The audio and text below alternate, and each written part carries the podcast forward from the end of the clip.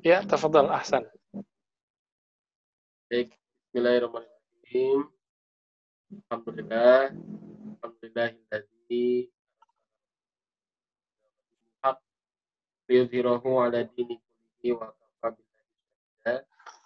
La ilaha illallah wa la syarika wa asyhadu anna Muhammadan abduhu wa rasuluhu. Amma ba'du. Allahumma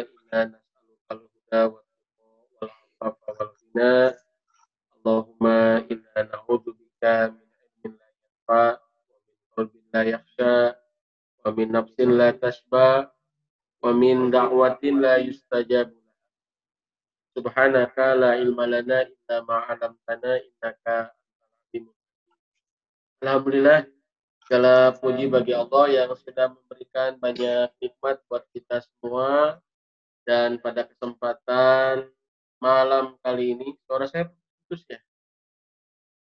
Buya suara saya kedengaran jelas? Uh, jelas tapi kadang putus-putus. Oh. ya. Baik. Uh, Uh, baik teman-teman sekalian, alhamdulillah di kesempatan malam kali ini kita bisa kembali uh, menggelar kajian rutin kita hadis arba'in an-nawawi bersama Gurunda uh, Hafizullah dan alhamdulillah beliau sudah hadir di tengah-tengah kita. Uh, mudah-mudahan ini bisa menjadi jalan di iman kita. Tidak lupa sholawat serta salam. Semoga tertimpa kepada tauladan kita Nabi Muhammad Shallallahu Alaihi Wasallam kepada keluarganya, para sahabatnya, termasuk kepada kita selaku eh, rekan-rekan sekalian, tanpa perpanjang lebar ya supaya kita lebih banyak dagingnya daripada pengantarnya ya. Ya, insya Allah kita langsung kepada gurunda kita Insya Allah Buya sekarang hadis nomor 6. Karena hadis nomor 5 kemarin membahasnya cukup panjang lebar ya dan agak panas ya walaupun akhirnya kita menyejukkan hati ya ya mengokohkan ya. ilmu kita. Nah, insya Allah Bu ya eh, waktu dan tempat kami persilahkan. Baik. Assalamualaikum warahmatullahi wabarakatuh. Waalaikumsalam. إن الحمد لله نحمده ونستعينه ونستغفره ونعوذ بالله من شرور أنفسنا ومن سيئات أعمالنا ومن يضلل yang dimuliakan yang diberkahi Ustadz Hasan Hasan Allah wajhak wa sariratak amin uh, dan teman-teman semua semoga malam ini diberkahi Allah malam ini uh, walau libur secara fisik tapi rohaninya mendapatkan gizi setiap saat. Amin. Ya Rabbal Alamin. Amin. Semoga negeri kita Allah jaga dari semua mara bahaya dan masyarakat kita juga Allah uh, berkahi, Allah beri rizki sehingga uh, bertambah banyak orang yang berbahagia, bukan tambah banyak orang yang sengsara. Amin. Ya Rabbal Alamin. Amin. Kemudian teman-teman yang Allah untuk memulai kitab Arba'in, hadis ke-6, hadis tentang halal dan haram. Kalau semoga bisa sampai ke-7 ya, hadis ke-7 karena hadis ke-6 ini juga lumayan panjang dan dia lengkap dari bab zahir sampai ke bab yang batin ya, bab rohani. Mari kita baca surah Al-Fatihah, kita kirimkan untuk Nabi Muhammad SAW. Uh, Nabi Muhammad tidak butuh Fatihah kita, tapi kita butuh limpahan dari Nabi lalu bacaan Fatihah kita kirimkan untuk pengarang kitab ini Imam Nawawi Imam Nawawi tidak punya istri tidak punya anak dan beliau menyebut anak-anaknya adalah murid-muridnya semoga kita termasuk murid-muridnya itu amin ya rabbal alamin al hazinnya wallahumul fatihah Bismillahirrahmanirrahim مالكم الدين إياك نعبد وإياك نستعين صراط المستقيم صراط الذين غير المغضوب عليهم ولا الضالين آمين Baik, teman-teman yang melakukan Allah, hadis pertama, hadis ke-6 ya, eh, diriwayatkan oleh sahabat Nabi Abu Abdullah Nu'man ibn Bashir.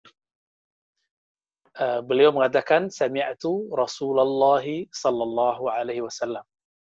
Lalu beliau mengatakan bahwa Nabi bersabda, "Innal halala bayyin wa innal harama bayyin."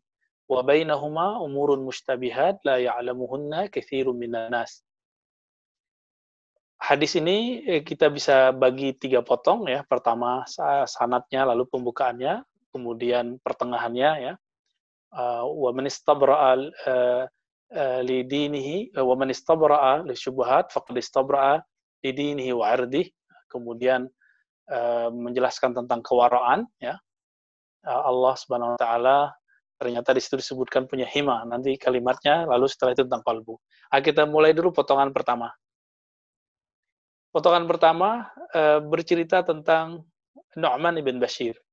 Jadi kita akan menjelaskan sosok Nu'man bin Bashir. Jadi hadis ini ternyata diriwayatkan oleh Imam Bukhari, diriwayatkan oleh Imam Muslim, dan Imam Bukhari jaraknya dengan e, Nu'man bin Bashir cuma tiga orang. Jadi cuma tiga orang. Di situ ada gurunya namanya Abu Nuaim. Abu Nuaim ini e, angkatan yang sangat tua sekali angkatan gurunya Imam Syafi'i. Jadi angkatan gurunya Imam Syafi'i. E, namanya Abu Nuaim ya, dia e, lahir diperkirakan ta tahun e, 129 Hijriah dan wafatnya lumayan juga panjang 90-an tahun ya. Wafat tahun 219 Hijriah. Antum bisa hitung tuh berapa ya. E, itu Abu Nuaim guru Imam Bukhari e, rahmatullah alaihim. Imam Bukhari beruntung ketemu orang ini karena beliau bertemu orang yang bahkan lebih tua daripada Imam Syafi'i. Imam Bukhari kan nggak ketemu dengan Imam Syafi'i. Abu Nu'aim ini lebih tua, uh, aja Imam Bukhari, Imam Imam Syafi'i lahir 150, orang ini sudah lahir 129. Berarti dia umurnya 21 tahun ya, lebih tua dari Imam Syafi'i. Jadi angkatan gurunya Imam Syafi'i. Abu Nuaim ini meriwayatkan dengan sanad yang pendek ya, jadi jarak antara uh, uh, Imam Bukhari ketika menggunakan jalur Abu Nuaim cuma uh, tiga orang ya. Uh, setelah itu ada namanya Zaidah, dari Zaidah kemudian ada Sya'bi, Sya'bi baru Nu'man bin Bashir. Kenapa saya menyebutkan sanad ini tapi tidak menyebutkan kebanyakan sanad sebelum dan setelah kajian ini nanti? Karena ini sanad yang unik uh, disebutkan di situ. Jadi tadi Abu Nuaim, ya, Zaidah, kemudian Sya'bi itu semua orang Kufah. Orang Kufah berarti orang Irak. Ya. Irak ini secara uh, kecenderungan politik mereka cenderung kepada Sayyidina Ali, uh, khususnya di daerah Kufah. Kecuali daerah Basrah, ah, itu nanti ada kecenderungan lain nanti setelah meninggal Abu Musa al-Ash'ari. Ah, ini kita harus pahami uh, bahwa hadis itu juga ada kaitan dengan sisi politik. Uh, terus hadis ini diambil dari orang yang wafat di Homs, Homs ya, tempat yang lagi konflik hari ini di uh, Irak dan uh, Suriah. Itu ada satu kota namanya Homs. Orang sana disebut Al-Homsi ya atau Al-Hamsi. Uh, siapa itu? Sahabat Nabi Nu'man ibn Bashir. Nah, Nu'man bin Bashir ini siapa? Kenapa beliau meriwayatkan hadis innal halala bayyin wa innal harama bayyin. Ternyata Nu'man bin Bashir ini lahirnya tahun kedua setelah hijrah. Jadi beliau waktu Nabi wafat, antum bisa hitung kalau Nabi wafat tahun 11, eh, beliau lahir tahun kedua hijriah. Berarti umurnya berapa tahun waktu Nabi wafat? Tis'a sanawat, 9 tahun. Maka sangat sedikit sekali hadis dari Nu'man bin Bashir. Sangat-sangat sedikit. Dan ini adalah salah satu hadis yang paling sahih yang diriwayatkan oleh Nu'man bin Bashir. Kenapa? Karena beliau langsung mengatakan sami'tu. Jadi Imam Sya'bi mengatakan Nu'man bin Bashir berkata sami'tu Nabiya sallallahu alaihi wasallam. Aku mendengar Nabi langsung bersabda. Nah, dalam tradisi ahli hadis kalimat ini mahal. Kenapa? Berarti dia tidak mendengar dari sahabat lain, tapi langsung dari Nabi Sallallahu Alaihi Wasallam. Padahal Nu'man bin Bashir sangat muda. Berarti Nu'man ini lebih muda dari Ibnu Abbas. Ibnu Abbas waktu Nabi wafat umurnya 13 tahun. Sedangkan beliau ini, Nu'man bin Bashir, 9 tahun. Lalu apa yang mau kita sebutkan di sini? Ketika terjadi konflik antara sahabat, terutama pertikaian terhadap Sayyidina Utsman. Sayyidina Utsman ini kan difitnah dulu uh, uh, memojokkan keluarga Abu Bakar, yaitu Muhammad bin Abu Bakar yang sudah dikirim dan dapat SK untuk jadi gubernur, lalu dibatalkan secara mendadak. Akhirnya simpatisannya mengepung rumah uh, Utsman bin Affan. Nah, di saat itu terjadi, uh, Nu'man ibn Bashir kemudian berangkat sesegera mungkin, secepat mungkin, karena mendengar Utsman bin Affan terbunuh. Belum berangkat ke mana? Pergi ke daerah Syam. Uh, di situ ada gubernur yang yang masih muda seumur dengan Ali bin Abi Thalib dan juga orang kepercayaan Utsman ibn Affan. Uh, makanya kemudian beliau diangkat menjadi gubernur di Damaskus, kemudian di gubernur di daerah kota tempat beliau meninggal itu Homs. Ah, teman-teman yang dimakan Allah, karena beliau menjadi gubernur, otomatis beliau menjadi kodi, menjadi hakim. Jadi dulu kodi, hakim, uh, gubernur itu itu satu satu jabatan. Itulah sejarahnya kenapa hadis ini kemudian menjadi pegangan dari Nu'man ibn Bashir. Ya, jadi hadis beliau nggak banyak, inilah hadis beliau yang yang populer. Nah, beliau uh, belajar juga ke ayahnya Bashir karena Bashir itu ayahnya sahabi, ibunya juga sahabi. Jadi beliau ini unik. Uh, Nu'man ibn Bashir itu keluarga yang yang Islami lah kalau boleh kita sebut. Apa kata beliau? Aku mendengar Nabi SAW bersabda, Innal halala bayin wa innal harama bayin. Halal dan haram itu sudah jelas. Jadi kalau hukum halal haram, itu nggak ada keraguan ini halal, ini ini haram.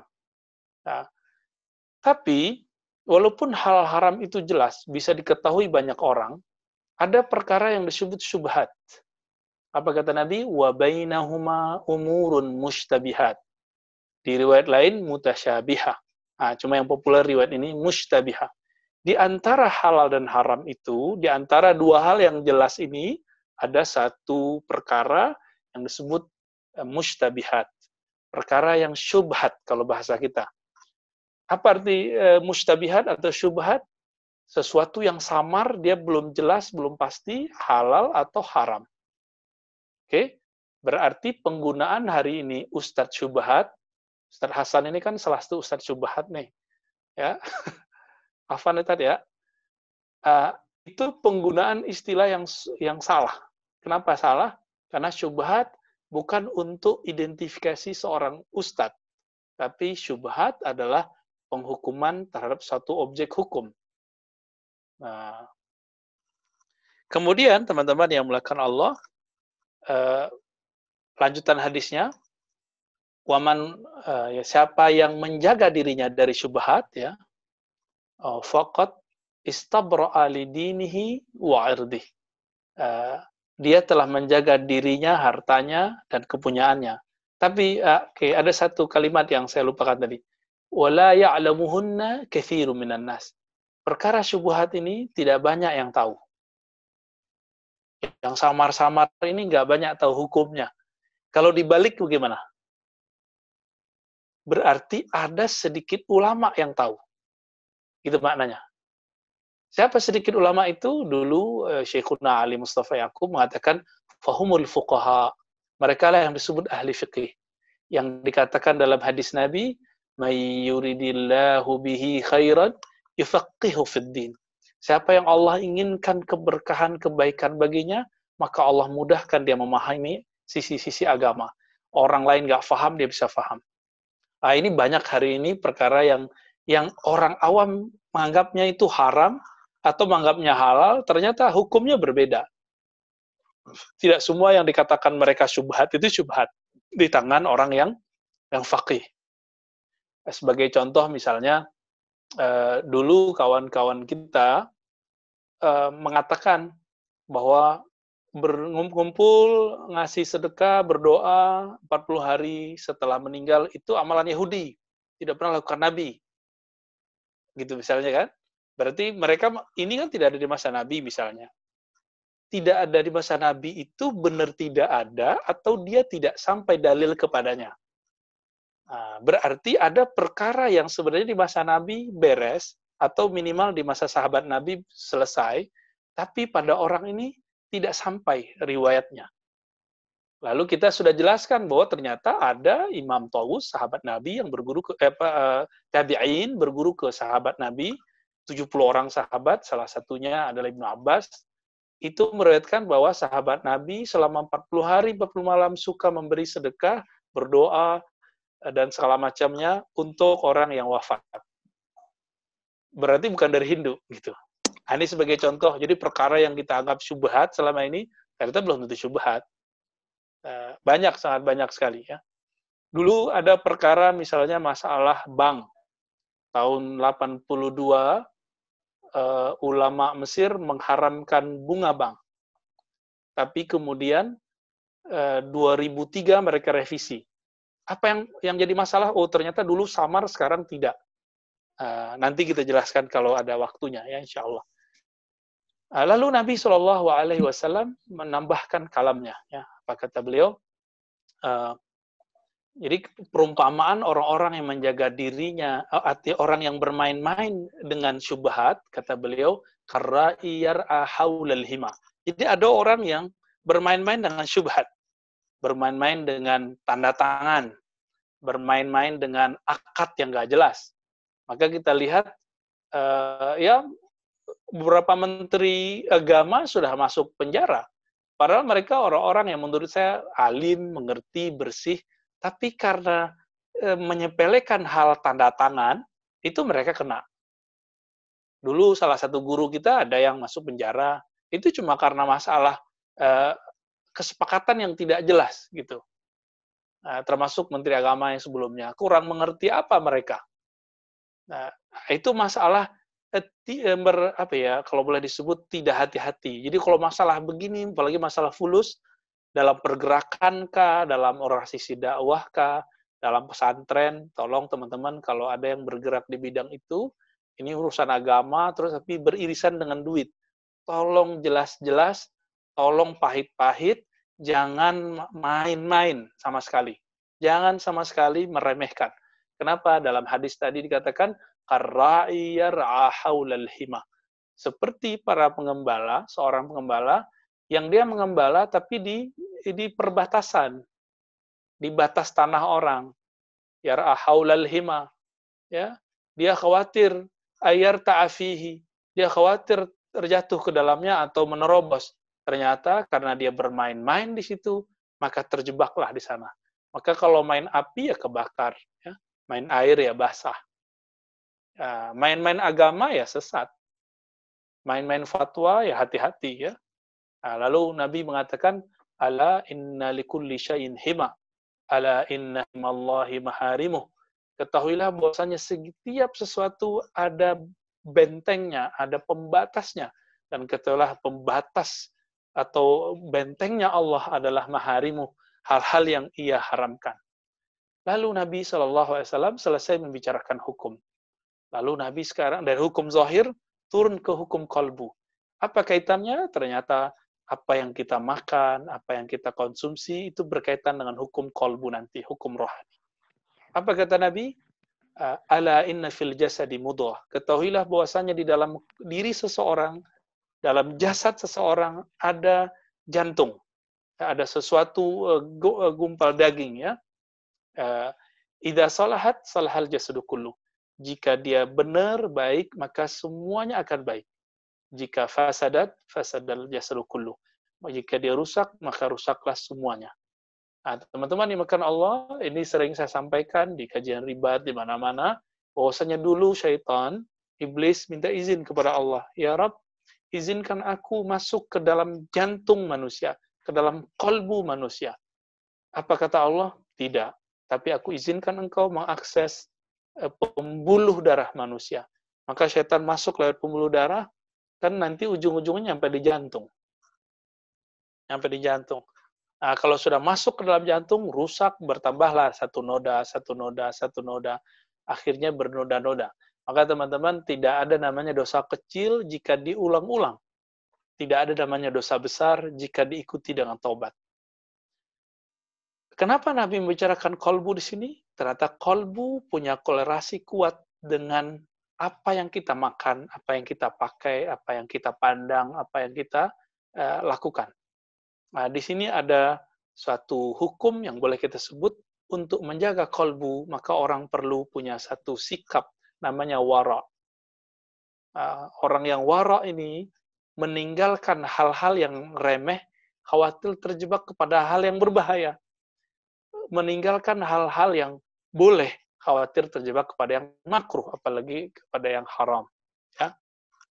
Maka teman-teman eh, yang muliakan Allah, apabila kita eh, melihat fenomena ini, misalnya kolbu saya kok merasa nggak nyaman ya, gitu ada kolbu merasa merasa sedikit nggak nyaman. Berarti ada sesuatu yang masuk ke dalam kolbu kita. Ya, pikiran kita kok kok e, tertuju kepada sesuatu yang nggak penting, misalnya ketika sholat. Berarti ada sesuatu yang mengganggu diri kita di luar sholat.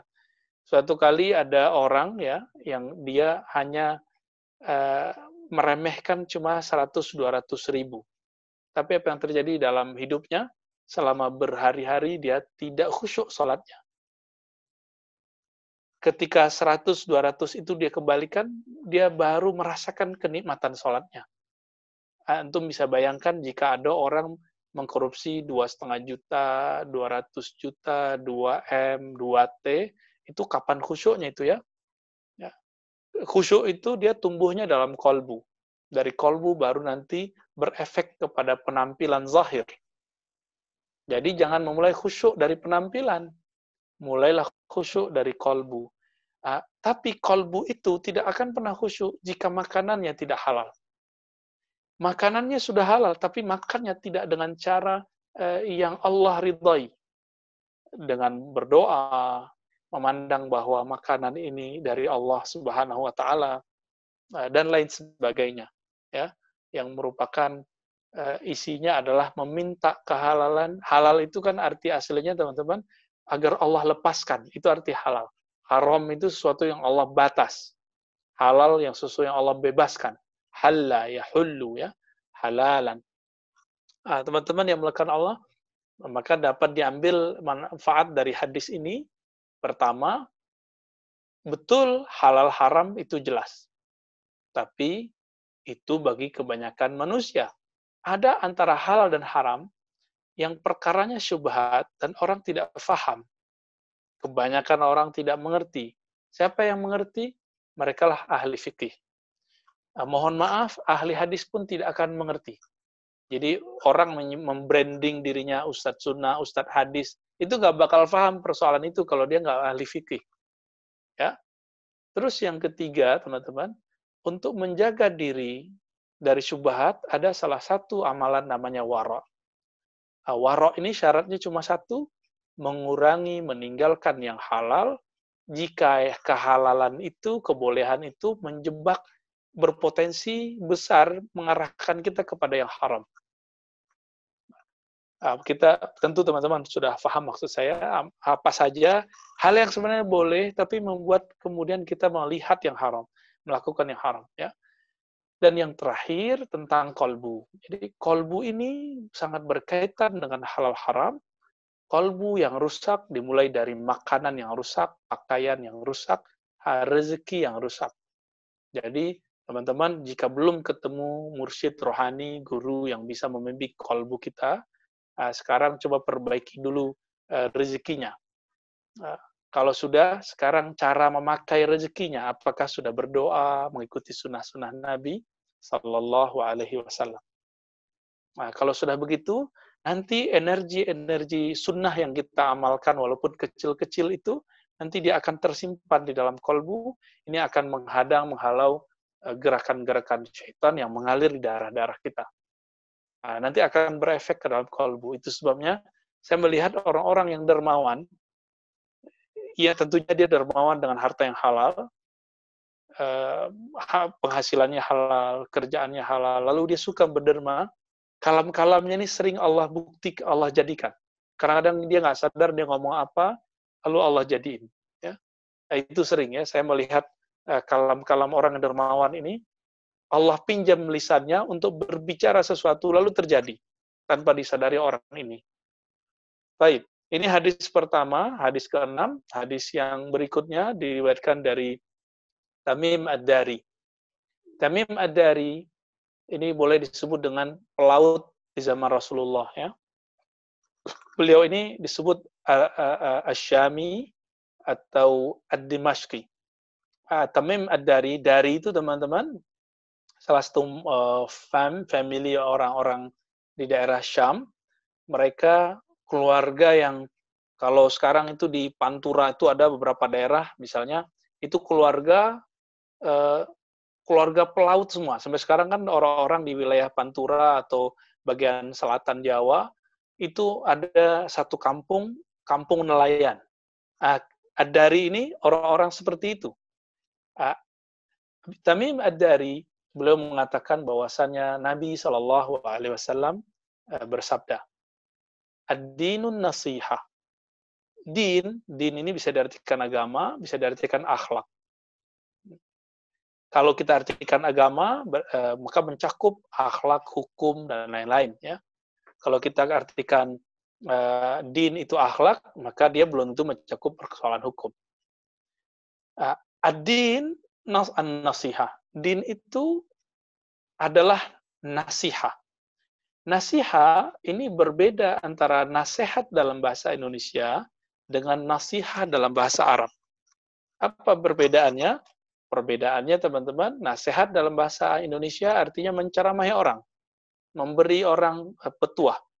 Tetapi nasihat dalam kalam nabawiyah, dalam kalam Arabi, itu artinya ketulusan, kebeningan, kejernihan. Itu arti nasihat. Nasihat dalam bahasa Arab. Dari mana kita tahunya? Itu dari kamus, kemudian dari syarah-syarah, terutama syarah Imam uh, uh, Ad-Nawawi sendiri dalam Sahih Muslim, karena hadis ini riwayat Muslim. Lalu nanti terlihat dari kalab berikut ini. Uh, Nabi ditanya, Kila liman ya Rasulullah. Agama itu nasihat apa wahai Rasulullah? Nabi menjawab, lillah. Nasihat untuk Allah. Kita kan nggak mungkin menceramai Allah kan nggak mungkin. Berpetuah kepada Allah kan tidak mungkin. Maka maksud nasihat di sini adalah ketulusan, kebeningan eh, dalam bertauhid kepada Allah Subhanahu wa taala. Yang kedua, wali kitabihi. Ketulusan dalam dalam kepatuhan menjalani perintah Alkitab Allah Subhanahu wa taala. Dan yang ketiga, wali rasuli ketulusan dalam menaati Rasulullah sallallahu alaihi wasallam. Dan yang terakhir ya, wali wali aimmatil muslimina wa ammatihim. Tulus terhadap uh, tulus dalam memberi nasihat, memberi kritik atau menegur para pemimpin ya orang-orang Islam a'immatil muslimin wa ammatihim dan masyarakat umumnya. Teman-teman, maka seseorang belum disebut memberi nasihat jika dia belum tulus. Dan seseorang tidak tulus jika dia menyampaikan dengan cara yang tidak tulus. Imam Syafi'i dulu mengatakan, jika engkau menegurku di tengah keramaian, maka jangan salahkan jika aku menolaknya. Nah, coba antum uh, lihat hari ini perang-perang opini di YouTube, baik persoalan agama, politik, itu tidak lepas di kolbu orang yang berbicara itu. Itu ada persoalan popularitas syuhrah. Ya, ingin dikenal sebagai pro atau anti, pro atau anti, pro atau anti. Ya. Makanya saya tidak mau berkomentar banyak dalam apa pun yang terjadi hari ini. Kenapa? Karena gerak-gerak kolbu itu betul-betul terasa dan itu ter, terlihat dari kalam. Teman-teman, makan Allah, jika kolbu ini bening, yang keluar adalah kebeningan. Jika kolbu ini tulus, maka yang keluar adalah kalam-kalam ketulusan. Jika kolbu ini dipenuhi dengan kebencian, maka yang keluar adalah kalam-kalam kebencian. Emosi-emosi yang yang tidak beraturan. Jika di dalam kolbu ini masih dikuasai oleh nafsiyah. Diri kita yang buas, diri kita yang yang masih eh, terkuasai oleh oleh potensi-potensi nafsiyah bahimiyah nafsiyah sibaiyah, diri yang masih berkarakter hewan ternak atau hewan buas, maka yang terjadi nanti adalah uh, perang emosi. Mau dia uh, pejabat kah, guru ngaji kah, itu sama. Itu sama apalagi orang awam. Ya. Maka tidak tidak salahlah ketika Imam Notailah Sakandari menyindir kita semua jauh-jauh hari sebelum kita lahir. Apa kata beliau? Suatu kendi yang isinya air putih, tentu dia mengeluarkan yang putih. Jika kendi itu isinya hitam, tentu mengeluarkan sesuatu yang hitam. Teman-teman, inilah makna adinun nasihah. Ya, beragama itu intinya adalah ketulusan. Kita tuluskah dalam berjuang? Kita tuluskah dalam berceramah? Kita tuluskah dalam menjawab pertanyaan? Kita tuluskah berguru kepada orang? Kita berguru mencari pembenaran pendapat kita, atau kita sedang mencari kebenaran itu sendiri? Ini mohon maaf, nih banyak orang eh, sahabat-sahabat kita sekarang berguru bukan ingin mencari kebenaran dari gurunya, tapi hanya mencari pembenaran dari si ustadz yang dia mau. Jika tidak cocok, dia nanti akan tinggalkan ustadznya, bahkan dia hujat ustadznya. Nah, ini yang terjadi. Dan saya melihat hadis ini, kenapa Allah takdirkan kita baca uh, pada malam ini, ternyata sangat berkaitan dengan realitas apa yang terjadi di umat Islam, khususnya pada uh, kita hari ini. Tolong nanti tidak ada yang bertanya soal persoalan politik, ya, karena tidak akan saya jawab. Uh, uh, persoalan politik sudah banyak yang yang memporak-porak pandakan kita, bahkan dari zaman sahabat Nabi. Nu'man ibn Bashir, di hadis ke-6 tadi, itu kenapa beliau lari ke Damaskus. Karena beliau tidak mau terkena konflik yang ada di di, di Madinah dan di Kufah. Jadi saat itu ibu kota masih di Madinah. Ya, ibu kota masih di Madinah, ya. Lalu eh, terjadi konflik, meninggal Sayyidina Utsman Kemudian diangkatlah Sayyidina Ali, pecahlah perang antara Aisyah dan Ali walaupun kemudian damai. Tapi sudah meninggal ribuan orang.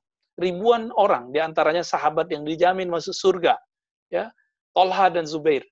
Tolha dan Zubair dijamin masuk surga. Tapi ternyata pilihan politiknya belum tentu benar.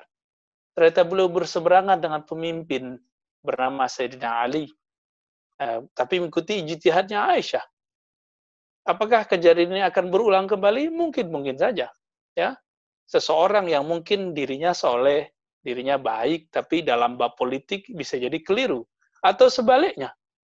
Ya, atau sebaliknya. Antara Ali dan Muawiyah. Yang benar adalah Sayyidina Ali, tapi Sayyidina Ali kemudian kalah. Majulah Muawiyah. Ya. Karena cara naiknya dengan cara tahkim, arbitrase atau diplomasi, maka kemudian ada orang yang kecewa, muncullah khawarij. Tapi di samping khawarij muncul orang fanatis kepada Ali, fanatis kepada Muawiyah. Muncullah saat itu tiga aliran. Aliran e, khawarij yang kopar kapir semua orang, lalu ada murji'ah, ada bahkan jadi empat ya, murji'ah, syiah, dan nasibiyah. Nasibiyah artinya pembenci Ali. Sedangkan Rafidah pembenci Muawiyah dan para sahabat yang lain. Nu'man bin Bashir adalah sahabat yang terlibat langsung dengan kejadian itu. Untuk bisa bayangkan, yang pro dengan Muawiyah, berseberangan dengan Ali, itu sahabat Nabi. Yang pro dengan Ali, anti Muawiyah, itu sahabat Nabi. Uh, tapi karena Ali orangnya tulus, beliau lebih memikirkan umat, maka beliau kemudian menerima hasil diplomasi itu, dan beliau mundur, akhirnya uh, nyawa tidak tidak berjatuhan lagi ya uh, masyarakat kemudian kembali normal nah ini terjadi. Inilah an-nasihah ketulusan-ketulusan mengorbankan ego untuk kebaikan orang banyak. Ya tidak haus popularitas tidak haus dengan pujian orang dan tidak takut dibenci oleh orang. Baik, kira-kira itu teman-teman dan ini tidak mungkin kecuali jika kolbunya salih. Maka hadisnya mengatakan idza salahat salahal jasadu kullu. Jika kolbu itu beres, kolbunya saleh, kolbunya sehat, kolbunya bercahaya, maka jasadnya, kalamnya akan bercahaya, kalamnya akan sahih. Kalau sudah begitu baru nasihatnya tulus. Jadi teman-teman jangan jadi penceramah dulu. Ya latihan kolbu dulu. Jangan nulis status dulu sebelum bertawuz. Uh, jangan kemudian share apa dulu sebelum kita tanya, ya Allah, ini benarkah yang aku sampaikan? Kira-kira seperti itu. Jika hati kita ragu, kita tinggalkan. Ya. Faqad istabra'a lidinihi wa irdih. Kalau kita hati-hati buat status, hati-hati berkomentar, nanti agama kita terjaga, irdih, kehormatan kita di sisi Allah terjaga, insya Allah. Baik, kira-kira itu uh, Ustadz Hasan. Tafadhol kalau ada yang mau didiskusikan, insya Allah kita jawab. Alhamdulillah, uh, jazakumullah menjelaskan tentang suara jelas ya iya putus-putus Tad. Oh. Hmm. Mungkin ya. antum nggak pakai video dulu, boleh? Oh, maksudnya ditutup videonya? Coba di, ya coba tes dulu. Ngaruh bisa? Coba ngomong dulu. Kenapa muka saya gitu? Nah, itu suaranya lancar tuh. Oh. Hmm. parasnya yang tidak cocok. Tuh, sama lagi, Ustaz. Yaudah, antum oh, wajahnya dilihatin aja, Tad.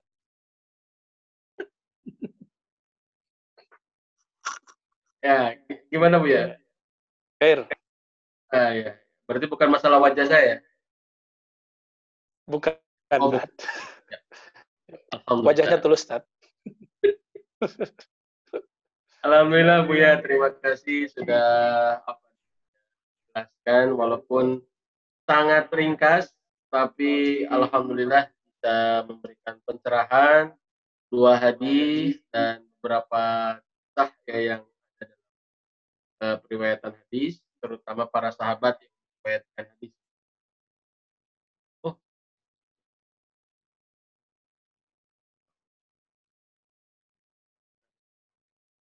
Baik, saya akan masuk ke pertanyaan Bu ya. Ya, betul. Ya. Eh, beberapa yang masuk ya, kemudian juga ini yang apa namanya menulis chat pribadi ya Assalamualaikum Buya, saya Budi dari Riau. Izin bertanya Buya, tadi Buya menjelaskan bahwa setan tidak diizinkan mengakses kolbu kita, tapi setan diizinkan mengakses diri kita melalui darah. Secara terperinci, telah Buya telah menjelaskan harus menjauhkan makanan haram. Apakah ada doa doa dan zikir khusus untuk menghilangkan setan agar tidak dapat mengakses pembuluh darah kita? ya, uh, tidak tidak ada doa khusus untuk uh, setan tidak mengakses tubuh kita. Tapi uh, Allah cuma mengajarkan idza qara'atal Qur'an fasta'idzillahi minasyaitonir rajim. Jika engkau membaca Al-Qur'an, maka bertawuzlah, berlindunglah kepada Allah dari setan yang yang terkutuk. Jadi setan itu tetap akan ada dalam diri kita, tapi yang dijaga itu nanti nafs kita dan kolbu. Kolbu ini dijaga. Apa kata Nabi Shallallahu Alaihi Wasallam? apabila seorang hamba berzikir, maka belalainya setan itu diangkat, dilepaskan. Nah, tapi jika dia lalai lagi, nah, maka setan masuk lagi. Jadi uh, jadi aksesnya lewat lewat darah itu tidak bisa tembus ke kolbu kita jika kita berzikir. Nah, jadi caranya cuma satu, zikrullah. Dawamu zikrillah, zikir yang berketerusan, zikir yang disiplin, zikir yang kontinu. Jadi hanya satu. Inilah kelebihan ahli-ahli zikir, inilah kelebihan ahli-ahli tarekat. Baik, baik. Tadi nggak boleh nanya urusan politik ya? Ya? Khawatir antum nanti pecah belah lagi ya. Ali dan Aisyah aja perang kok. Mau diulang lagi perangnya. Oh, ya. Tapi ini ada pertanyaan, kayaknya bukan politik. Cuman agak ngerembet-rembet dikit lah. Mudah-mudahan kalah ya. Nah, ini bagaimana memberi nasihat kepada pemimpin muslim gitu, dalam konteks amar ma'ruf nahi munkar. Kemudian demo boleh nggak? Nah, ini. Ya, eh, nasihat ini kan hadisnya begitu doang. Tidak ada penjelasan bagaimana cara cara menasihati pemimpin kan nggak ada di situ. Yang ada paling di hadis Tirmizi ya, atau di hadis Ahmad misalnya engkau mengatakan bertakutlah kepada Allah kepada pemimpin yang jair, pemimpin yang zalim. Jadi yang dikatakan kalau kita memberi nasihat adalah ittaqullah. Jadi bukan kita menghujat, menghardik. Itu kalau benar bernasihat. Nah, maka kemudian beda negara, beda ulama, beda kondisi, beda fatwa dalam memahami hadis ini. Hmm. Contoh ya, di Mesir itu Syekh Ali Jum'ah sempat merevisi fatwanya mengenai demo. Awalnya boleh, lalu tidak boleh. Nah, beliau dibully karena masalah ini, tapi ketika saya tanya kepada orang eh, mahasiswa yang dekat kepada beliau di sana, oh ternyata Syekh Ali Jum'ah membolehkan dulu ketika mereka demo tertib dan damai.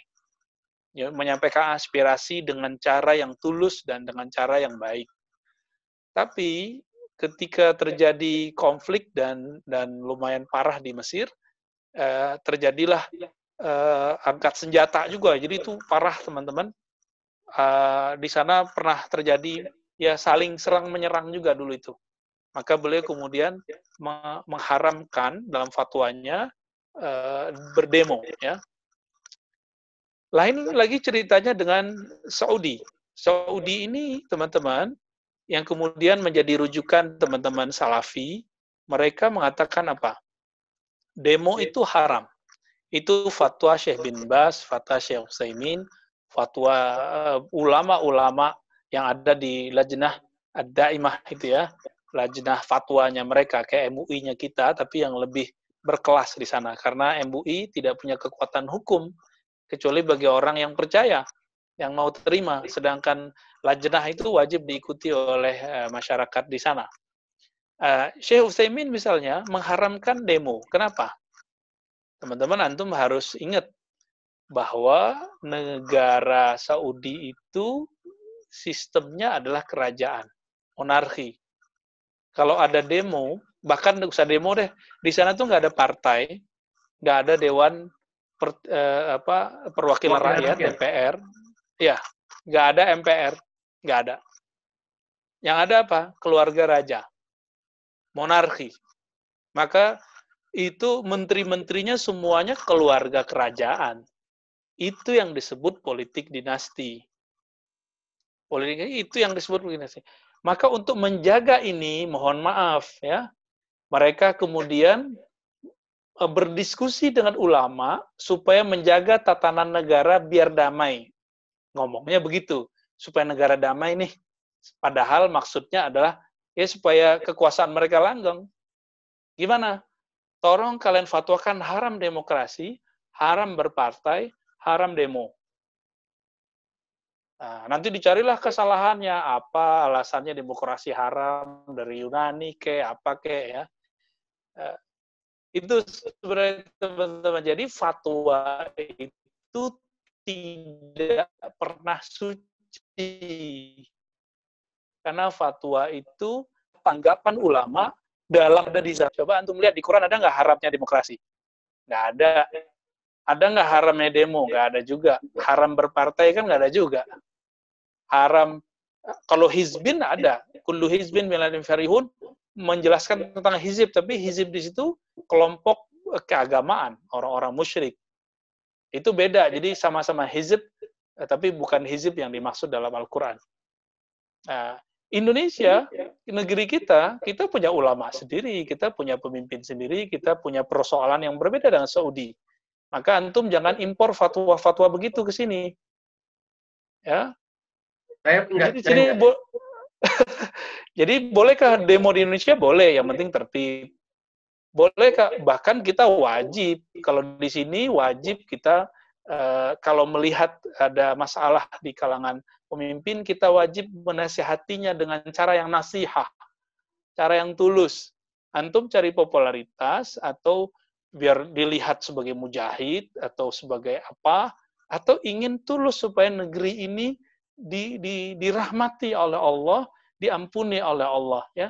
E, baldatun thayyibah negeri yang diberkahi dan Allah mengampuninya. Atau cuma pengen biar kelihatan keren sama jamaah, anti dong sama pemerintah atau biar kelihatan keren nama ulama sebelah, biar kelihatan uh, apa ya pro pemerintah gitu. Atau jangan bisa jangan selfie, karena selfie mereka. Gitu ya. ya biar selfie selfie. Kita cuma ingin satu aja, rahmatan lil ummah. Rahmat bagi umat. Nah, maka silakan antum ekspresikan dengan cara apa pun. Uh, sedikit Bu ya, boleh saya bertanya lebih dalam nih. Ketika terjadi boleh. demo siapa tadi Muhammad bin Abu Bakar yang ya. tidak menerima gitu ya. Uh, kemudian demo datang Utsman bin Affan itu seperti apa kondisi demonya? Apakah sambil mengangkat senjata atau demo dalam seperti kita gitu, teman turun ke jalan itu atau seperti apa? Oh itu lebih dari demo sebenarnya. Jadi oh. yang terjadi pada pada apa Osman, Osman itu kan mengirim surat. E, cincin beliau jatuh. Cincin beliau itu cincin yang dipakai Abu Bakar dan Umar, berarti cincinnya Nabi. Ya ada hmm. Muhammad Rasulullah gitu ya karena hilang, maka beliau menggunakan cincin baru. Itulah yang distempel oleh beliau. Uh, dikasihlah ke Muhammad bin Abi Bakar. Ternyata di tengah jalan ada pembawa surat, pembawa surat dulu kan belum ada telepon ya, belum ada JNE, jadi orang dulu pakai kuda. Hmm. Kuda ngejar, mengejar rombongan kafilah Muhammad bin Bakar sekitar beberapa orang gitu, tentara-tentara yang jago-jago lah. Eh, membatalkan surat yang dipegang oleh Muhammad Abu Bakar. Tapi stempelnya di situ bukan stempelnya Utsman, tapi stempel Muhammad Rasulullah yang dipakai Utsman sebelumnya, yang sebelum hilang. Maka ini membingungkan, berarti ada penyusup uh, di belakang keputusan Sayyidina Utsman.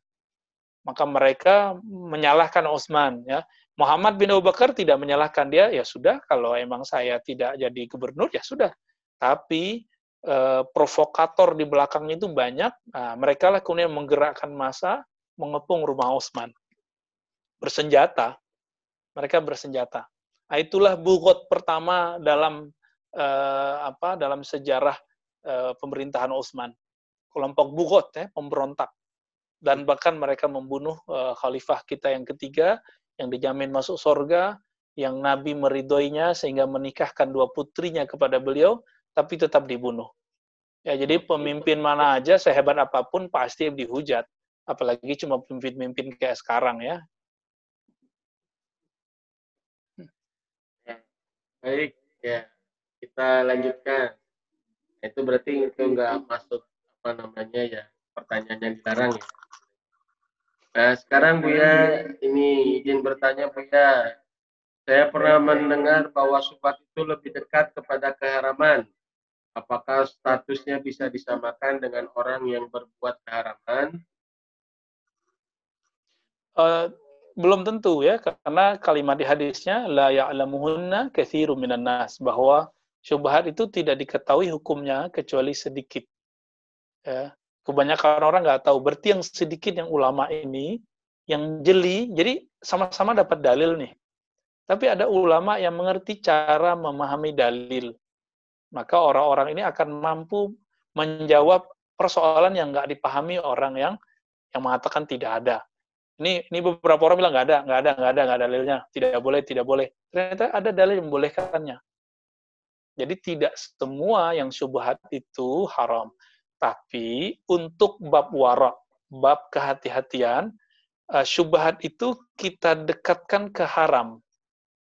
Supaya kita nggak tertarik untuk mendekatinya tapi dia belum tentu haram.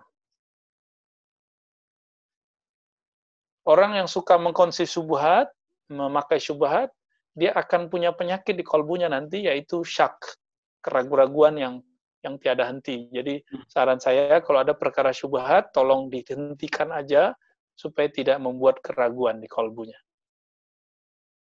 Hmm, Masya Allah.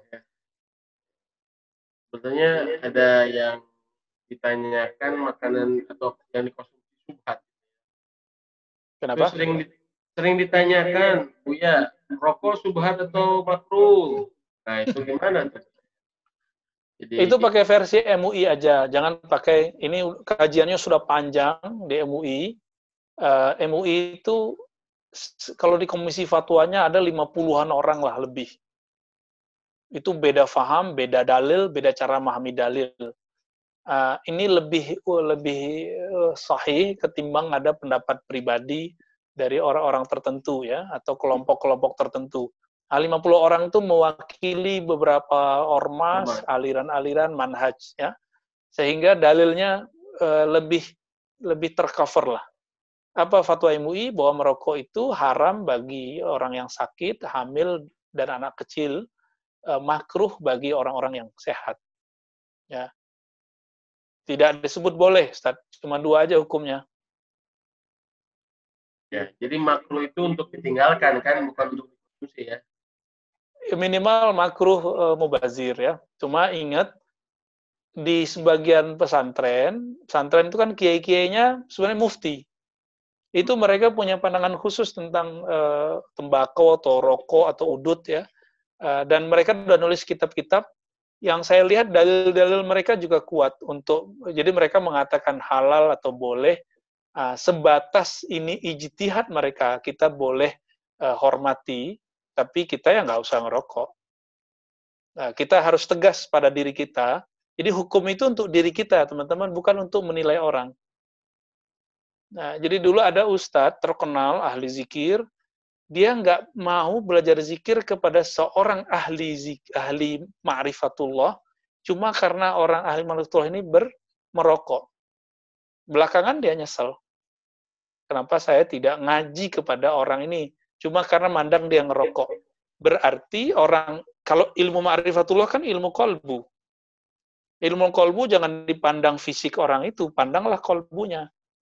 Kalau kolbunya dipenuhi ma'rifatullah, ilmu-ilmu tentang Allah, ya kita nggak usah hiraukan rokoknya. Ya.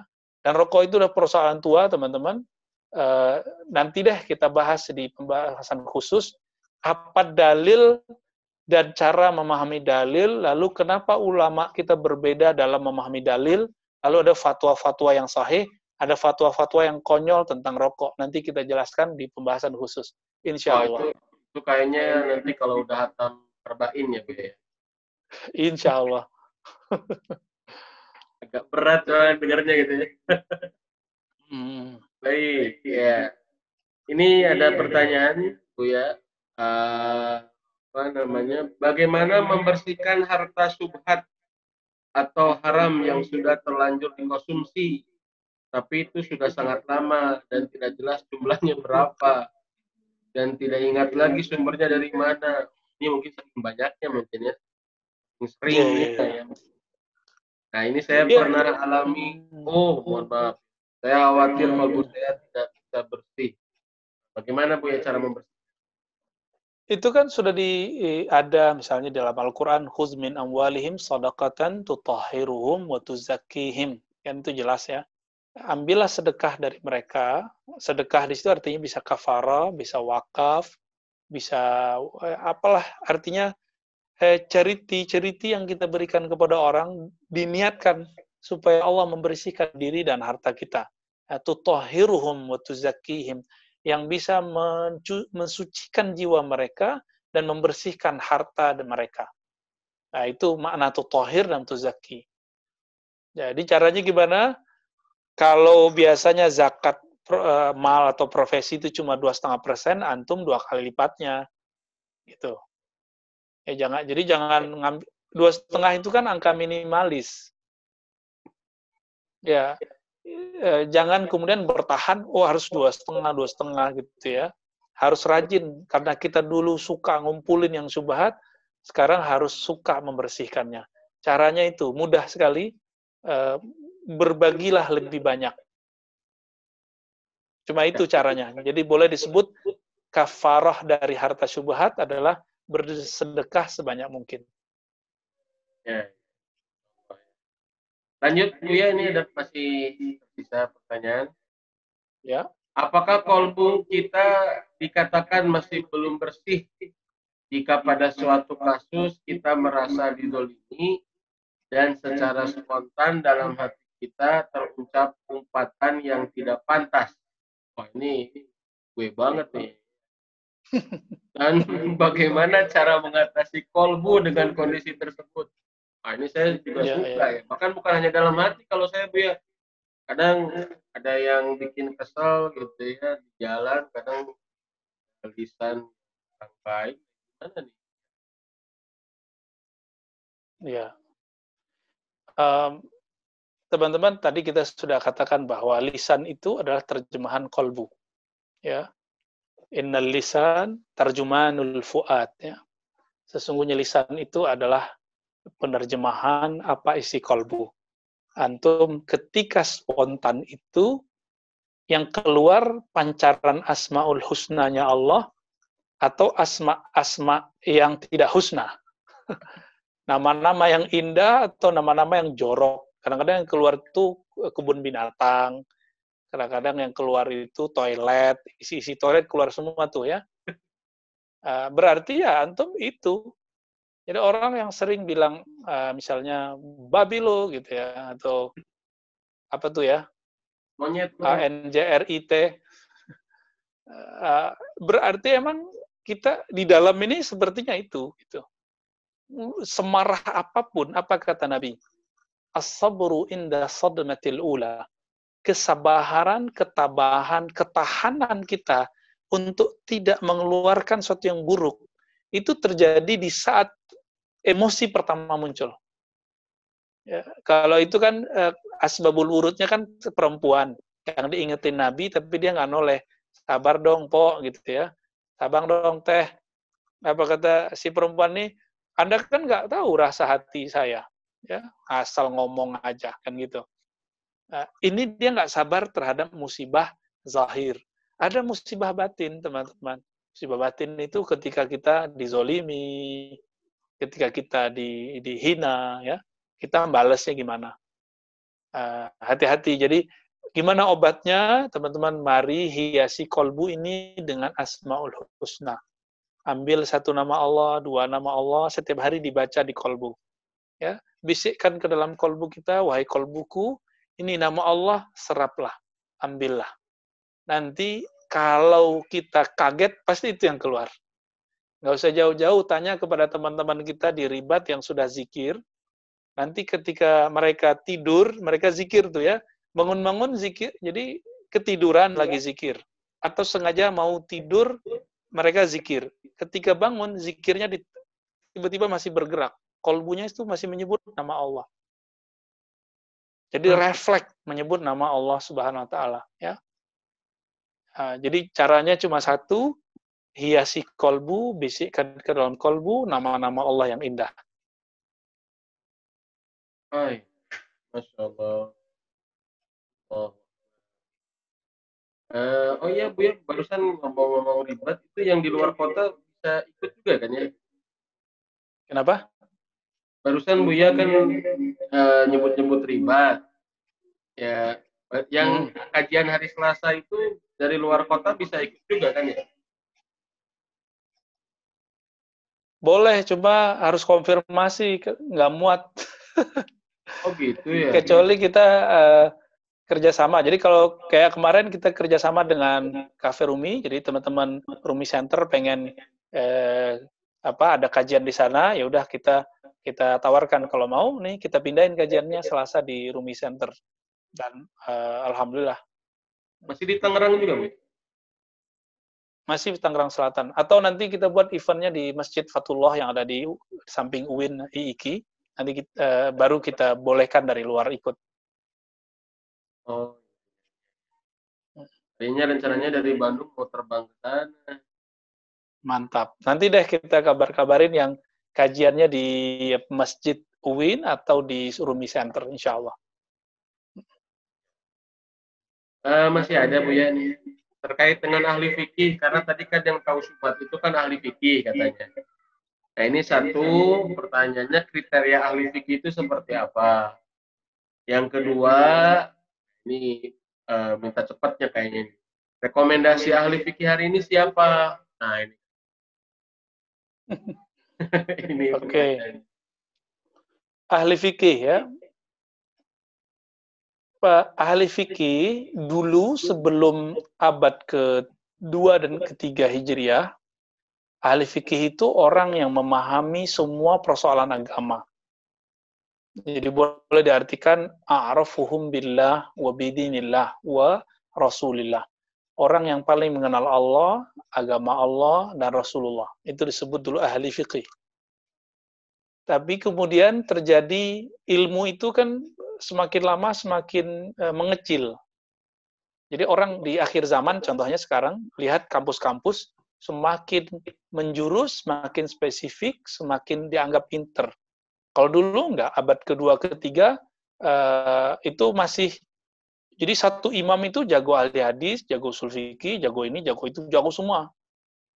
Uh, Kemudian di abad keempat dan kelima muncullah Imam Juwaini dan Imam Ghazali. Imam Ghazali menangkap itu bahwa kok konotasi fikih sudah berbeda ya dengan yang disebut di Quran waliyatafaqahu fiddin itu ya atau mayuridillahu bihi khairan yufaqihu fiddin kok sudah beda gitu fakih di situ dengan dengan ahli fikih di zaman beliau. Jadi di abad keempat kelima teman-teman permanaan ahli fikih sudah berkonotasi kepada hukum-hukum yang zahir. Hukum-hukum yang zahir. Nah, ini yang disebut ahli fikih yang saya sebut tadi. Jadi siapakah mereka? Mereka yang mengerti alat-alat untuk memahami hukum-hukum Al-Quran secara zahir, lalu mampu uh, menurunkannya, membumikannya kepada masyarakat dengan fatwa yang sahih. Jadi yang memahami dalil dan cara istidlal dua-duanya. Nah, kebanyakan hari ini orang tahu dalil tapi tidak tahu istidlal. Pembeda abadi antara ahli fikih dengan orang yang tidak ahli fikih cuma satu. Kemampuan beristidlal. Apa arti istidlal? Kemampuan memahami dalil. Dalil cuma satu, tapi istidlal bisa banyak. Nah, hari ini orang-orang yang tidak punya kemampuan beristidlal itu kalau jadi ustadz, jadi kiai, jadi dai, apa yang terjadi? Mereka ngotot dengan satu pemahaman. Dalilnya begini, pemahamannya pasti begini, di luar ini salah gitu. Nah, ini ciri-ciri orang tidak mengerti fikih. Nggak mengerti istidlal. Dulu Imam Syafi'i mengatakan satu dalil membuatku bertafakur semalaman beliau tidak sholat tahajud banyak-banyak, cuma witir. Selebihnya beliau memahami cuma satu persoalan, dengari satu ayat. Satu ayat itu beliau lihat istilahnya. Apa maknanya? Muncullah 70 makna. Antum bisa bayangkan, selevel Imam Syafi'i bisa 70 makna. Hari ini kita udah sekolah tinggi-tinggi, paling cuma berapa makna. Ya, jadi sekolah tinggi kita itu masih ilusi masih cuma digelar, belum sampai kepada tataran hakikatnya. Nah, itu curhat saya, eh, karena mau sekolah lagi bingung. Ternyata ketika kita baca kitab Al-Um, Ar-Risalah, kita geleng-geleng kepala, ya Rob, ini Imam Syafi'i kok bisa paham ya, hal-hal yang rumit begini di zamannya gitu. Di zaman tidak ada Google, tidak ada uh, Google Translate ya, tidak ada Syamilah ya, aplikasi hadis, nggak ada. Dengan kemampuannya seperti itu, kemudian beliau bisa memahami dalil. Makanya antum bisa lihat Imam Bukhari sangat berbangga berguru kepada murid-murid Imam Syafi'i. Ya, ditandai hadis pertama di Sahih Bukhari itu hadis dari muridnya Imam Syafi'i, Imam Humaidi. Ya. Ya, pertanyaan kedua tadi belum terjawab ya. Apa tuh ya? Rekomendasi ahli fikih hari ini. Waduh, nyebut nama, saya bukan uh, ahli tukang endorser. Coba ya, kalau jangan sama Ustaz sudah lah. Uh, ini aja, ke MUI aja. Jadi yang MUI. ahli fikih sekarang MUI kita komisi fatwa. Ya, komisi fatwa itu sudah sudah keren. Walaupun mohon maaf, saya beberapa hal beda dengan mereka komisi fatwa. Karena di, di MUI juga nggak dibatasin, orang-orang tuh punya pendapat sendiri. Yang penting jangan kemudian mengadu domba umat supaya bermusuhan dengan fatwa. Dulu teman-teman MUI, Komisi Fatwa itu, perdebatan mengenai suatu hukum, ini boleh, tidak boleh, bid'ah, tidak bid'ah, itu perdebatannya ditutup serapat mungkin supaya tidak terlihat oleh masyarakat. Karena masyarakat nggak kuat lihat perdebatan itu. Tapi sekarang ustadz-ustadz yang ngaku dia ikut ajaran Nabi, ikut sunnah Nabi, mereka tidak mengerti persoalan fikih dan adab seorang fakih, membawa perdebatan itu ke umat. Makanya sekarang orang dalam hal yasinan aja udah bertengkar. Nah, itu hmm. tanggung jawab mereka-mereka itu tuh ya. Hal masalah kecil Sayyidina aja tengkal ya. Uh, kita prihatinlah dengan itu. Jadi saya mengajak teman-teman mari kita kembalikan muruahnya Majelis Ulama Indonesia. Baik, Masya Allah. Uh, ini pertanyaan terakhir Bu ya kayaknya. Uh, Assalamualaikum Bu ya, mau bertanya hukum mengucapkan Natal terus ikut-ikutan merayakan bagaimana hukumnya? Ada ustadz yang bilang kita menghargai agama lain, tapi tidak boleh ikut-ikutan pada hari raya mereka. Ada yang bilang yang pentingnya, yang penting kolbunya tidak berpaling dari Allah, walaupun mengikuti apa namanya hari raya mereka. Nah, yang kedua, ada yang kedua ini adalah terkait dengan tasabuh, masih berkaitan dengan poin pertama. Tasabuh itu batasannya seperti apa? Karena ada dalil yang mengatakan man tasyabaha biqaumin bahwa ulang tahun tasabuh. Nah, itu bisa masuk kategori tasabuh tidak? Baik, baik. Eh, teman-teman yang melakukan Allah, ini pelan-pelan ya. Soalnya kalau nggak pelan-pelan nanti antum pada kaget nih dengerin jawabannya nih ya. ya Dulu saya lebih dari lima tahun, tujuh tahunan lah ya. Eh, hanya memahami persoalan Natal itu dengan satu mazhab, satu pandangan, yaitu aliran Saudi. Karena guru saya tamatan Saudi. Guru hadis saya 9 tahun di Saudi. Bahwa e, Natal itu dipahami dalam konteks akidah. Jadi mengucapkan selamat Natal implikasinya akidah, maka haram. Apa implikasi kaidah? Berarti saya membenarkan dong bahwa Yesus sebagai anak Tuhan, maka itu disebut syirik dan ini haram ya. Lalu setelah saya e, tamat ya, kemudian saya ketemu guru-guru yang lain karena ilmu berkembang terus, ketemulah guru-guru dari Suriah, dari Mesir, dari Yaman, dari Maghrib, dari India. Ternyata pemahaman dalil itu beragam. Di Quran tidak disebutkan secara detail masalah ini. Apa yang mengagetkan? Darul Ifta Mesir mengeluarkan fatwa, ya, mengeluarkan fatwa tentang apa? Ada pemahaman yang menarik mengenai surat Al-Mumtahanah ayat 8, 9, dan 10. Ya, bolehkah berbuat baik ya dan berbuat adil kepada orang yang beda agama, terutama ahli kitab, dengan syarat tertentu gitu. Ternyata di situ ada syaratnya. Tidak mengusir kita, tidak menzolimi kita, tidak berkonspirasi untuk menzolimi kita, mengeluarkan kita dari uh, tanah air kita gitu dalam surah Al-Mumtahanah. Nanti silakan dilihat ya. Surah Al-Mumtahanah ayat 8, 9, 10. Ini kemudian jadi dalil oleh ulama Mesir, ulama Darul Ifta, Al-Azhar, kemudian para habaib di Yaman, lalu para masyaikh ahli hadis di eh, Maroko. Tunis, Aljazair, termasuk ulama Syam. Dan mereka mengatakan apa? Mengucapkan selamat Natal jika maksudnya adalah mengucapkan selamat lahirnya Isa sebagai ibnu Maryam. Dan itu bagian dari bermuamalah secara baik kepada makhluk Allah yang tidak jahat kepada agama kita. Mereka, ulama Darul Ifta, dan ulama-ulama yang saya sebutkan tadi, memfatwakan boleh Nah, ini ini mengagetkan. Saya juga susah untuk menerimanya di awal-awal ya. Nah, inilah yang terjadi di Indonesia. Tamatan Al Azhar beda dengan tamatan uh, Saudi. Saudi. Tamatan Mesir beda dengan tamatan Saudi. Guru saya yang pertama tadi tamatan Saudi itu dulu saya yang ngetikin buku beliau untuk uh, memfatwakan haram uh, apa mengucapkan selamat Natal. Tapi kemudian ketika kita lihat, oh ternyata ini pandangannya teologis bab akidah. sedangkan yang membolehkan dia masukkannya ke bab muamalat. Uh, lalu apa pandangan saya teman-teman? Kan uh, jamaah sering memojokkan ustadz, memaksa ustadz untuk hitam putih. Ya udah saya kasih hitam putihnya, ya.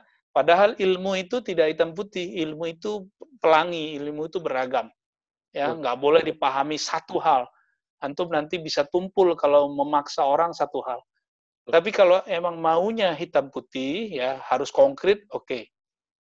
Kita kasih clue-nya. Apabila mengucapkan selamat Natal itu, antum berniat berimplikasi atau bertujuan membenarkan teologi Kristiani bahwa Isa adalah anak Allah, maka hukumnya tidak boleh gitu. Apabila antum di negeri yang yang yang yang di sana udah menjadi tradisi orang Natal, uh, tapi tidak ada implikasinya dengan bab keagamaan, maka sebagian ulama yang di luar sana mengatakan boleh. Uh, untuk Indonesia, karena kita bukan pejabat, kita bukan public figure, maka hmm. kita tidak perlu mengucapkan selamat nah. Natal kecuali antum menteri agama atau presiden atau direktur di satu perusahaan uh, itu mungkin perlu menyampaikan itu kita kan enggak kita direktur Karena di rumah bisa jadi fitnah juga bu ya oh itu sangat bahaya apalagi di negeri kita Indonesia ini sangat sensitif ya itu uh, poin penting yang di belakang tadi karena kita bukan siapa-siapa antum tidak perlu menyampaikan selamat Natal nggak akan mengurangi apa-apa kok dan nggak akan uh, berefek apa-apa. Ya.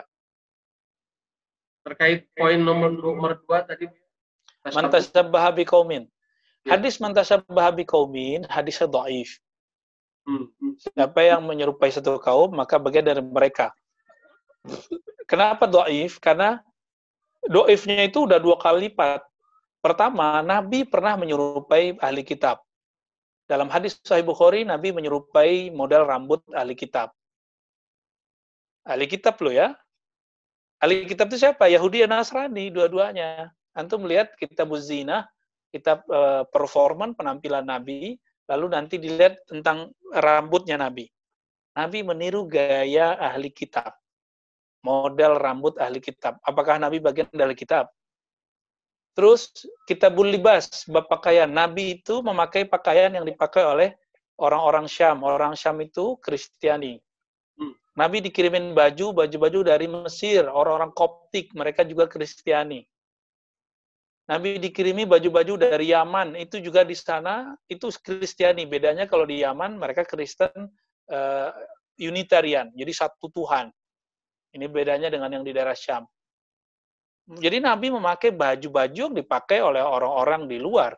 Baju Nabi itu impor, Ustaz. Saya mau impor yang dari Bandung aja deh. Kalau ya nanti di Cikondewa lah, pasar baru. Jadi teman-teman, yang tidak boleh untuk tasyabuh itu untuk dua hal. Satu, ibadah. Yang kedua, akidah. Adapun bab muamalat, orang orang luar pakai dolar, ya kita boleh lah pakai dolar. Orang luar pakai ATM, pakai eh, pakai e-commerce, ya bolehlah kita pakai, masa nggak boleh? Termasuk ya. tadi pakaian ya? Pakaian yang syariat kan nutup aurat. Hmm. Nutup aurat tidak menyupai lawan jenis di tempat tersebut, ya, ah, maka ini disebut dengan pakaian syari. Bisa jadi satu pakaian dianggap pakaian lumrah di setempat, tapi nggak lumrah di tempat lain. Itu makruh dipakai. Oh, Hmm. Gitu Ustaz. Jadi tasyabuh nggak bolehnya dalam bab akidah, bab ibadah. Adapun muamalat, hukumnya boleh. Karena muamalat itu persoalan duniawi. Termasuk ya, ulang tahun, Bu ya? Ulang tahun, teman-teman, tergantung antum ulang tahun itu mengaitkannya dengan perkara akidah atau perkara muamalat. Hari kelahiran. Barakallahu bi boleh. Uh, terserah. Mau dimasukkan ke tradisi atau dimasukkan ke bab akidah? Aduh, berat. Nah, ya harus dikelirkan dulu. Oh. ulang tahun itu isinya apa, ngapain, adakah kaitannya dengan Al-Quran dan Sunnah, adakah dalil yang dilanggar, jika tidak ada dalil yang dilanggar, berarti dia babnya muamalat. Bab perkara-perkara hubungan kita sesama manusia aja. Ya. Uh, ini menyerupai uh, agama lain. Eh, hati-hati.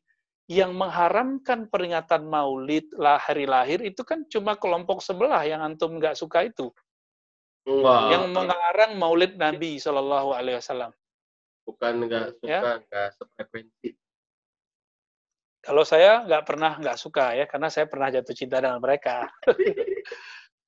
Eh, jadi kita cuma prihatin aja ya.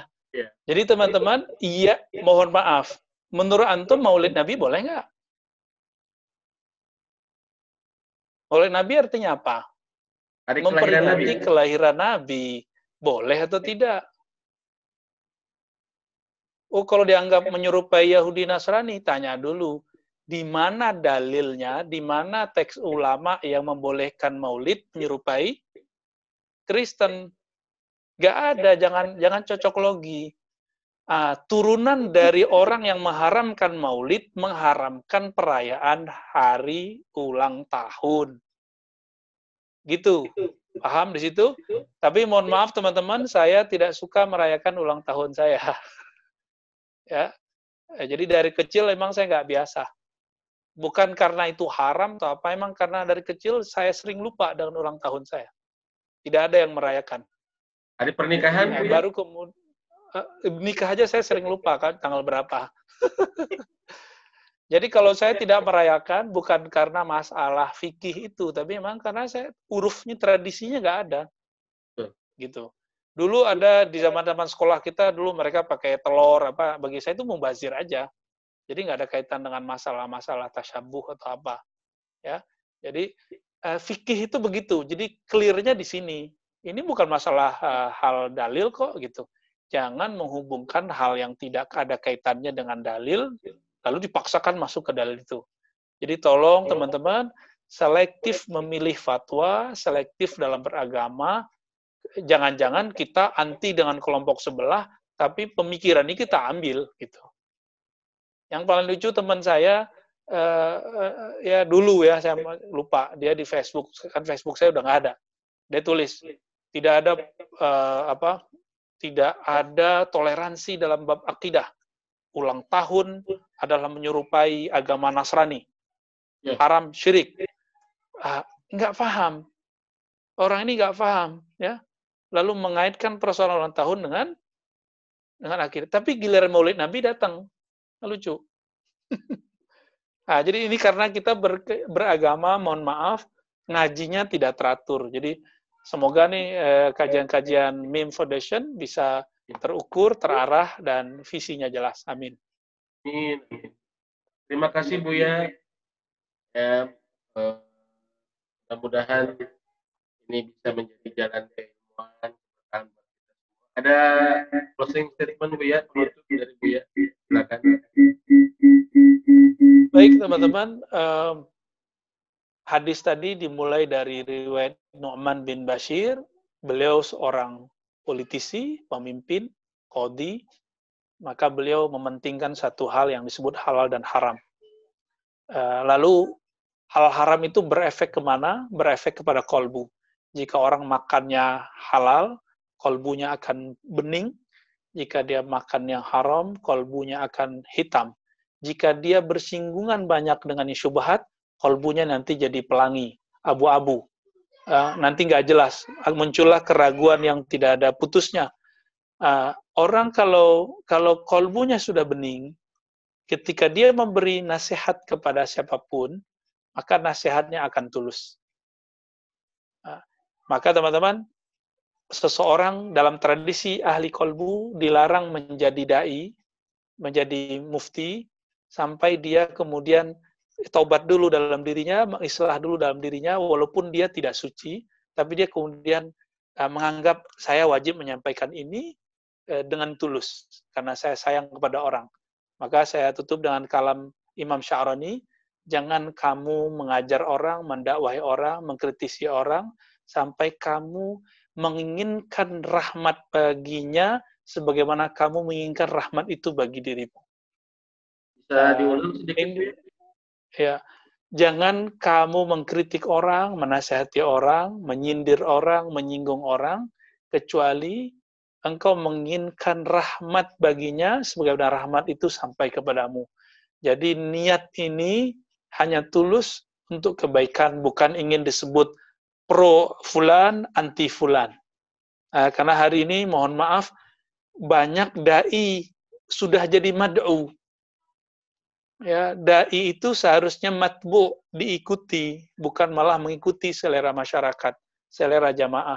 Eh, semoga kita dijaga oleh Allah, semoga saya juga eh, dijaga selalu teman-teman, Ustaz Hasan khususnya dengan teman-teman Mi Foundation. Semoga selalu dijaga jalannya, hatinya, kolbunya, pikirannya. Amin. Ya Rabbal Alamin. Demikian dari saya, Ustadz. Silakan antum saya, Afan, mau langsung jalan ya. Terima kasih Bu ya. Selamat waktunya. Ya, Assalamualaikum warahmatullahi Waalaikumsalam warahmatullahi wabarakatuh.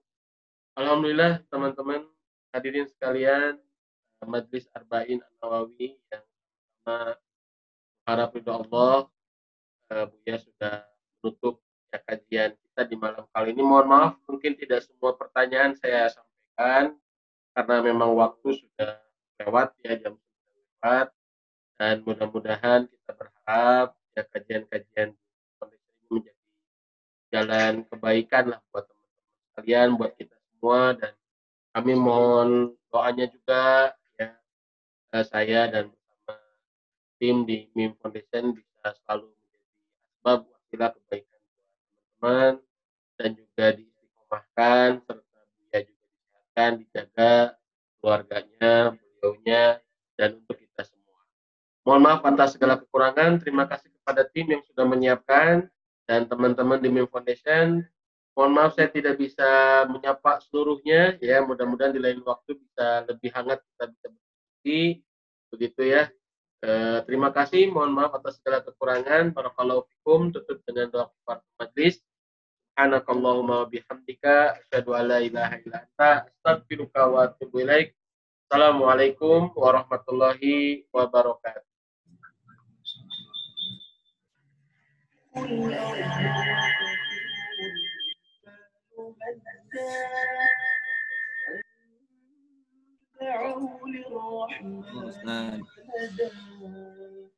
وما ينبغي الرحمن أن يتخذ ولدا. إن كل من في السماوات والأرض إلا آتي الرحمن عبدا. لقد أحصاهم